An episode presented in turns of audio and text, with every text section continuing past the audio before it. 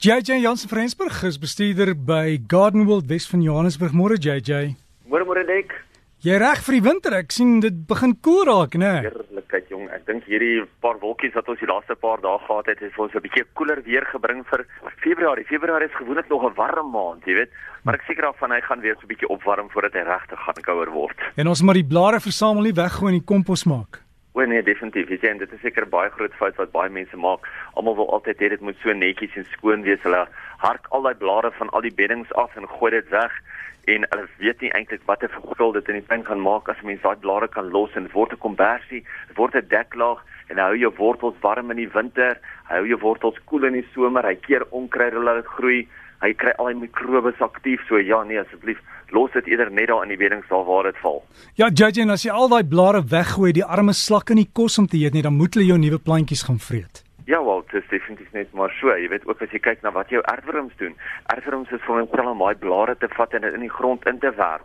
So kan jy nou dink as jy al daai erfworms, as jy as jy al die blare wegvat en die erfworms het nie ja daai organiese kompos waar daai humus om eintlik in die grond in te werk in die tonnels nie.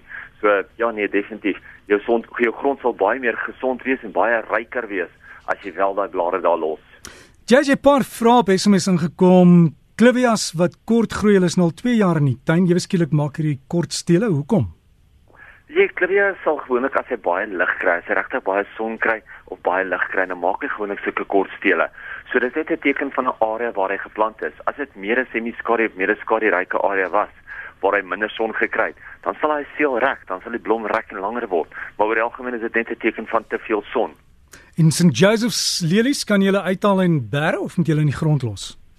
Um as jy plante teruggevrek het en jy het net die bolle oor in die grond en jy kan daai plekkie merk en jy weet dat jou uh tuinier of jy nie dit gaan spit nie en jy weet ook dat jou grond goed dreineer, laat hy nie baie water terughou nie.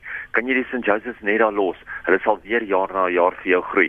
As dit 'n area is wat jy wel ander plante in plant en jy maak baie daar nat of dit is grond wat baie water terughou of jy is bang dat iemand dit gaan uithaal wat nie seker is waar dit is nie, haal dit dan eerder uit en berg dit ergens Ek sê altyd 'n motorhuis is 'n baie goeie plek om te berg want 'n motorhuis oor die algemeen is baie skaduryk.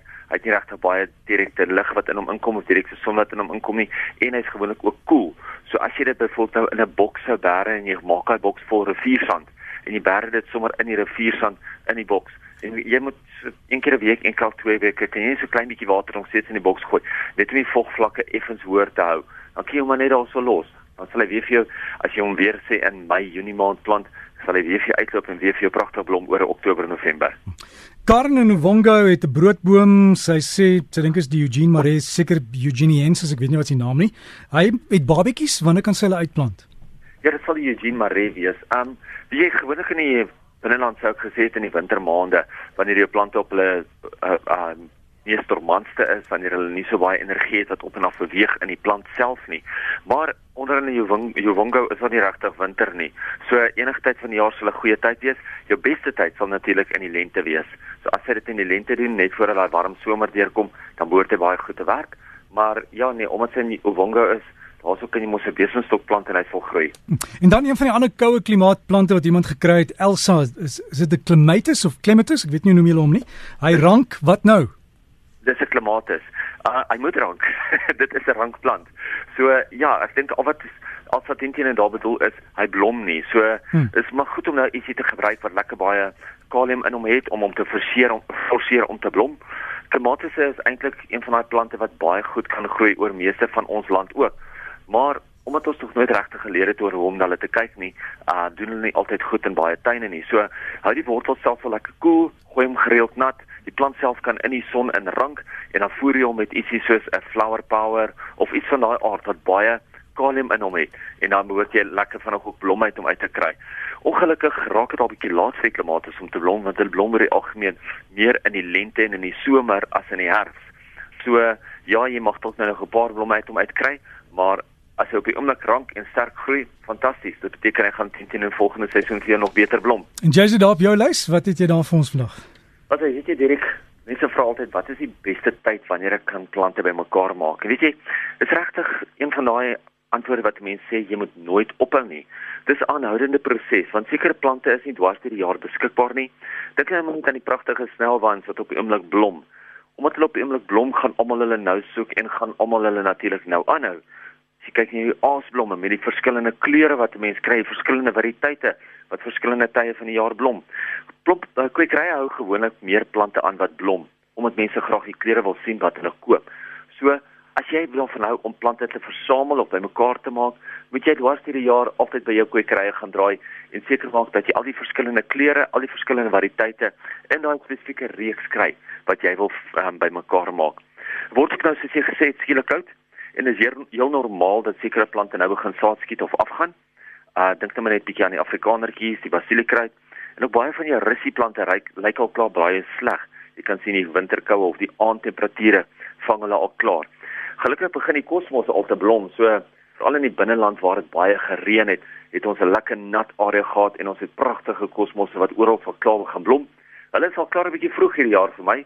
Hulle is so 'n maand, maand en 'n half vroeër as wat hulle gewoonlik in blom is, maar dit beteken ons gaan teen teen 'n baie langer blomseisoen uit die kosmosse uitkry.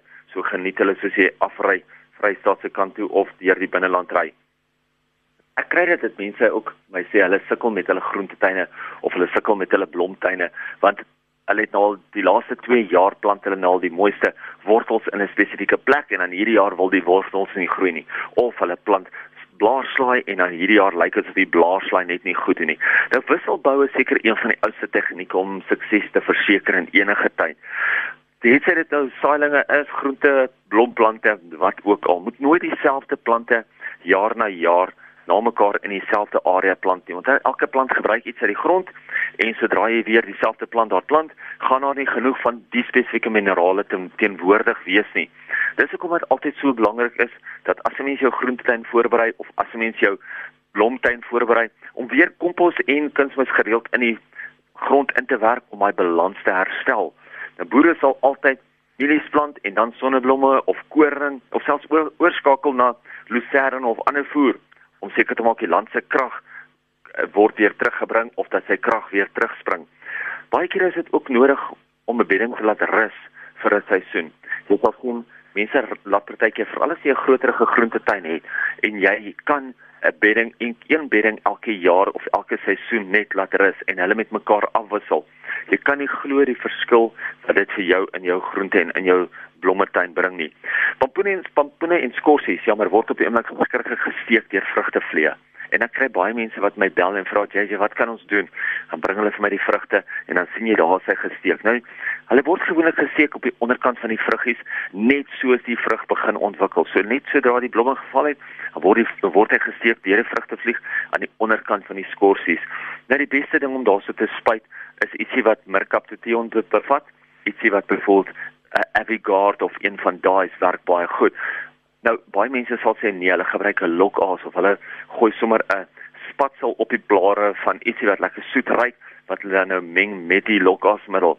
Maar die probleem is sodra mens 'n lokaas uitsit, uh of ja, maar saam met die gifmiddel, sodra mens 'n lokaasmiddel uitsit, dan kom die bye ook agter dit aan en dan gaan die bye ook vrek. So maak seker dat jy maar eerder spuit, spuit sodra die blomme klaar geval het, sodra jy vruggies begin ontwikkel, sodra daai pompoene nog lekker jonk is en dan weet jy as jy hom een keer 'n week, een keer elke 10 dae sou spuit totdat die vrug halfpad ontwikkel het, weet jy gaan die skil so hard word dat die vrugtevlieg hom nie meer kan steek nie. So hou maar net aan om dit te doen. Dirk, hierdie week se plant van die week is 'n Dichondra silver falls. Nou Dichondra is 'n baie baie bekende plant. Dit is die gewone ou wonderlawn, maar daar's deesdae 'n pragtige nuwe variëteit uit wat beskikbaar is wat silwer blare het. Baie mense sal vra hoekom wil ek silverblare in die tuin hê? Silwer is eintlik een van daai kleure wat ongelooflik mooi uitstaan in die la, laatmiddag in die aand wanneer die maan helder skyn, dan dan is jou tuin sommer helder opgehelder met hierdie silwer wat eintlik meer wit vertoon in die aand. Nou die plant hou van halfdag son en hy kan selfs voldag son ook vat. Hy groei so ongeveer 40 cm hoog en die takkies kan tot tot met amper 1 en 'n half meter lank groei. So hy stuur hierdie baie lang takke uit. Dit maak dit natuurlik 'n ideale plant vir hangmandjies. Jy kan hom gebruik as 'n grondbedekker of selfs net as 'n fillerplant tussen jou ander plante. Alhoewel die plant ook van medium water hou, hy het nie baie water nodig nie, is ook effens koue gevoelig. So as jy in 'n baie koue area bly en jy gaan hom wel plant as 'n grondbedekker, as 'n filler plant, as iets wat net jou ander plante laat uitstaan, moet jy maar seker maak dat jy hom toemaak oor die wintermaande dat hy bietjie beskerm bly en dan gaan hy weer vir jou pragtig in die somermaande teruggroei. Die mense wat deurgaan na die ehm um, Homemakers Fair toe by die Dome hierdie naweek, kom kuier asseblief vir ons en kom kyk na ons pragtige uitstalling van Kokodamas. Dis seker die grootste uitstalling van Kokodamas wat ons nog ooit gehad het, wat ek nog ooit gesien het. So dis regtig 'n uh, wenner om bietjie daarso ook 'n draai te maak en te gaan kyk. Maar onthou weer ons plant van die week, daai Kandra Silver Falls. Onthou dit is jou Silver Wonderlawn. JJ baie dankie alles van die beste en lekker tyd maak hoor. Sê vir dankie Derek, dankie vir almal, mooi bly. JJ Jans van Rensburg bestuurder by Garden World. Sy e-pos is jj by gardenworld.co.za. En hy sê daai plant van die week wil sien ek gaan nou die foto's plaas op die Facebook bladsy Breakfast. Jy kan daar gaan loer.